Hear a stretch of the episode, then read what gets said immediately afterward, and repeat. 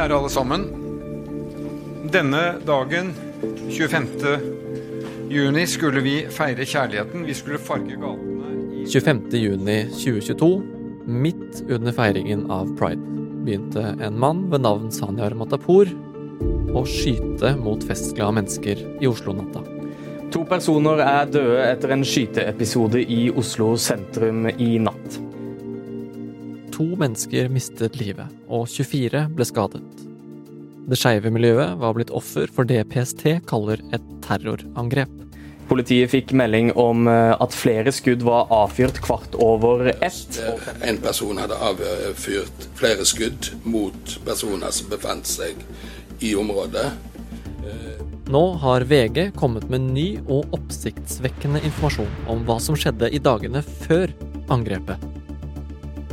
Allerede seks dager før masseskytingen hadde Etterretningstjenesten informasjon om et planlagt terrorangrep, og varslet PST. Kunne angrepet vært avverget? Det er torsdag 19. januar, og du hører på Forklart fra Aftenposten. Jeg heter David Bekoni.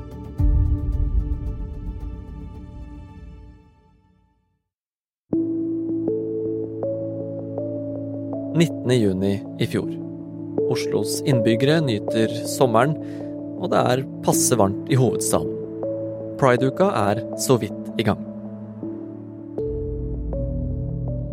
Samtidig sender en islamist en melding via en kryptert meldingstjeneste, ifølge opplysninger som VG har fått tak i.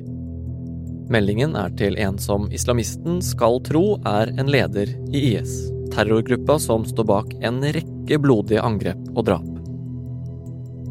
Ifølge VG skriver islamisten i meldingen at en såkalt bror planlegger å utføre et angrep i Skandinavia. Nå vil islamisten ifølge VG at IS skal ta på seg skylda for angrepet etter at det er utført. Det islamisten ikke vet, er at IS-lederen som svarer på meldingene, slett ikke er en IS-leder, men en hemmelig agent på oppdrag for norsk etterretning. Når den hemmelige agenten får nyss om et planlagt terrorangrep i Skandinavia, varsler vedkommende E-tjenesten. Det er Norges etterretningstjeneste som har ansvar for å hente inn informasjon om ting som angår norske interesser i utlandet. De varsler Politiets sikkerhetstjeneste, PST, som håndterer de mest alvorlige truslene mot landets sikkerhet. Det bekrefter assisterende PST-sjef Hedvig Mo til VG.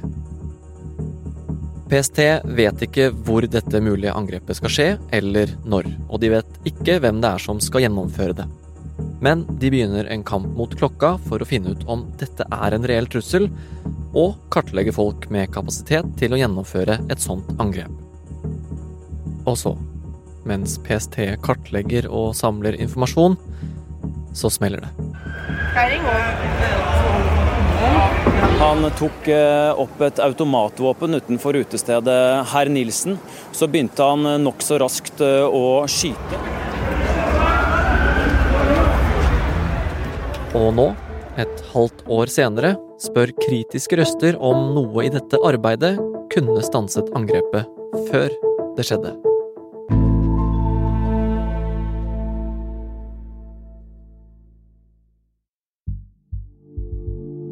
Det er jo oppsiktsvekkende at man får vite at norske myndigheter hadde informasjon, eh, ikke konkret om eh, dag, tid eller sted, men at man hadde opplysninger om at eh, et terrorangrep var under planlegging og kunne komme til å skje. Øystein Milli, krimkommentator i VG. Kunne angrepet vært avverget? Med fasit i hånd så er det klart at man tenker at det ville ha vært muligheter og kunne vært muligheter, og vi har jo også hørt assisterende PST-sjef eh, være sjølkritisk på vegne av PST og si at eh, vi spør oss jo nå om, om vi kunne gjort noe annerledes, og det tenker jeg er en bra refleksjon. Ifølge VG skal varselet fra E-tjenesten til PST ikke ha inneholdt nøyaktige opplysninger om sted, tid eller navnet på den eller de som skulle gjennomføre det mulige angrepet. Men PSTs etterforskning skal ha gjort at ekstremisten Arfan Bhatti og nettverket rundt ham ble et interessant spor. Bhatti er i dag siktet for medvirkning til terror.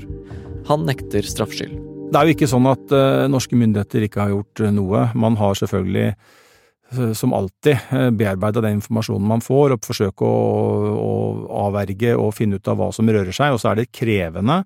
Det må man også huske, at de som sitter bak her, de og ønsker at en terroraksjon skal finne sted, de er jo forsiktige, og de forsøker jo selvfølgelig å skjule seg selv, og de forsøker å skjule det de eventuelt holder på, og planlegge.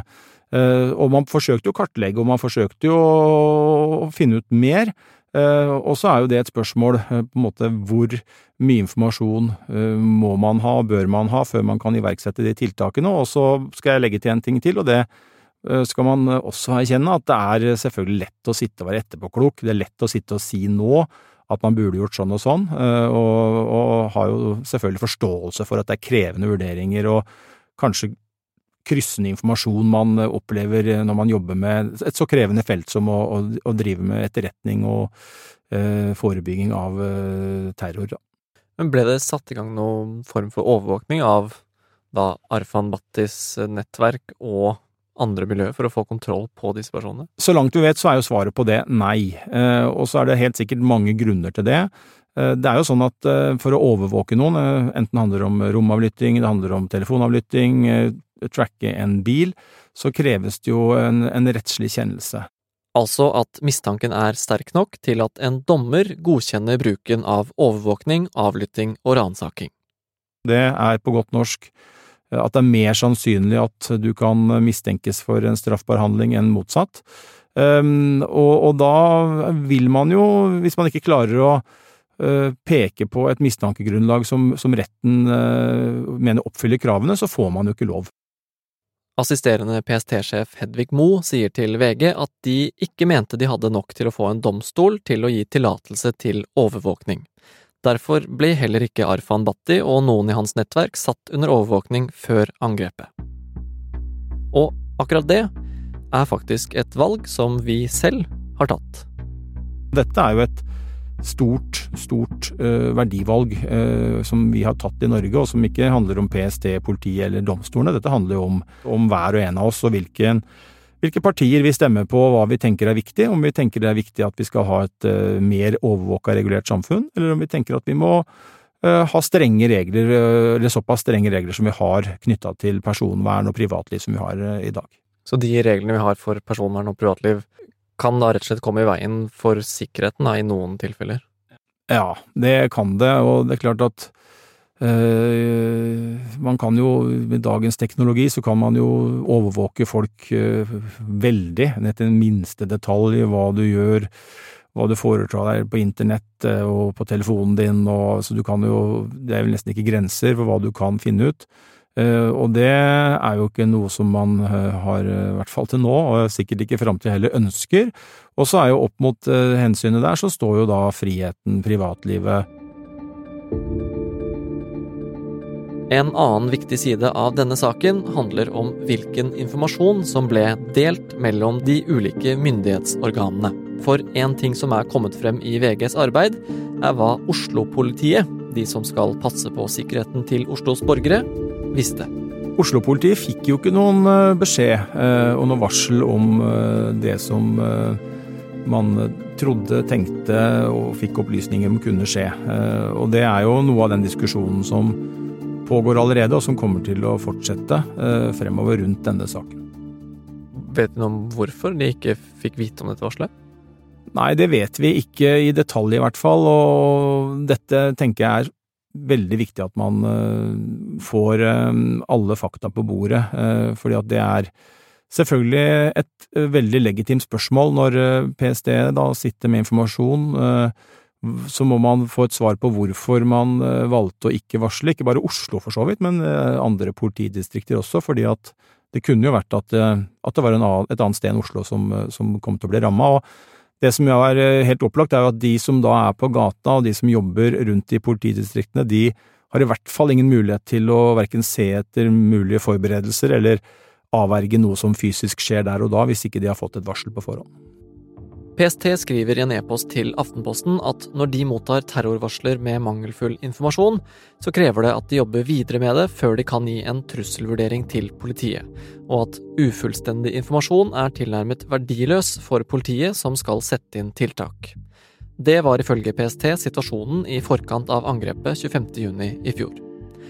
Når det gjelder hvorvidt de kunne gjort noe annerledes for å avverge angrepet, sier de at de er klare på at det kan ha blitt gjort vurderinger av dem som i ettertid viser seg kunne vært gjort annerledes, og at det i så fall kan være de må endre sin måte å arbeide på.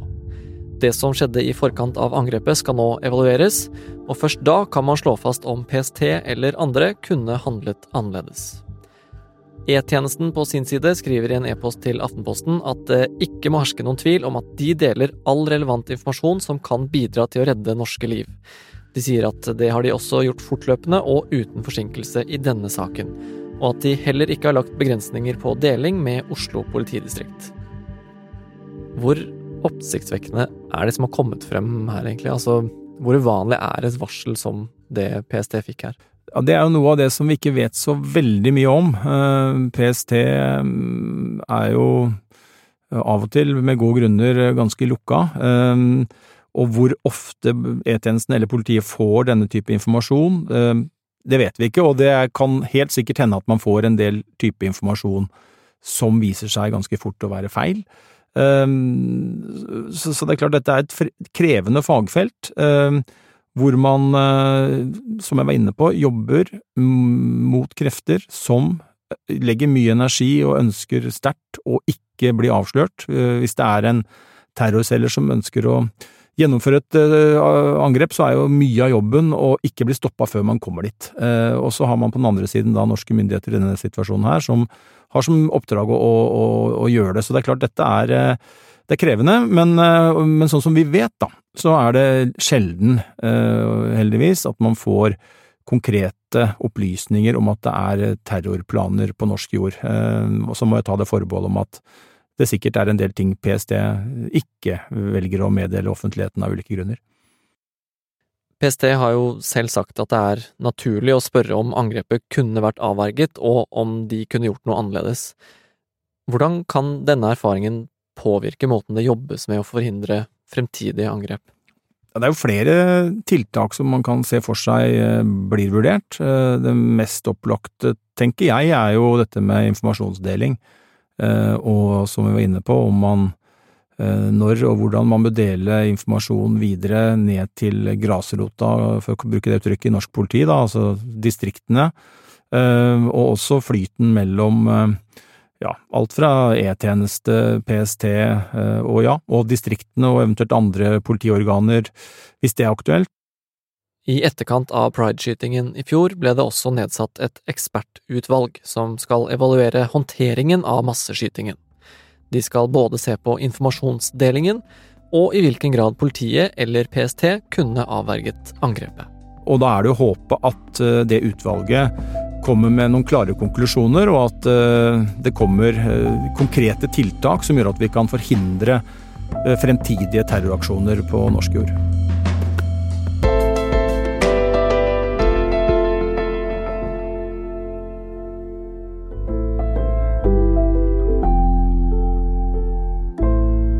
Islamisten som skal ha sendt meldinger til den hemmelige agenten fra E-tjenesten, ønsker ikke å gi noen kommentar til VG, og Aftenposten kjenner ikke identiteten til vedkommende.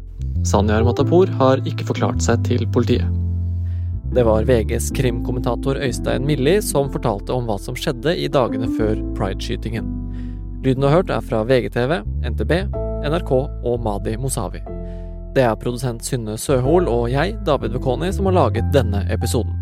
Og resten av Forklart er Anders Weberg, Anne Lindholm, Jenny Førland, Philip A. Johannesborg og Marit Eriksdatter Gjelland. Og en ting til. Vil du være med på å forme en av Norges største podkaster? Vi vil gjerne høre mer fra en gruppe lyttere som kan hjelpe oss å gjøre Forklart bedre. Det er snakk om ti–tolv personer som samles i en Facebook-gruppe, der vi Forklart-journalistene vil spørre om forskjellige ting. Det kan være avstemning om titler, hvilket tema du helst vil høre en episode om, osv. Vil du være med i den gruppa? De som blir valgt ut, får et gratis Podme-abonnement det neste halve året. Besøk lenken ap.no slash forklartgruppe for å melde deg på, eller bare klikk på den lenka som vi legger i episodebeskrivelsen under her. Vi holder påmeldingen åpen til neste onsdag, altså til og med 25. januar.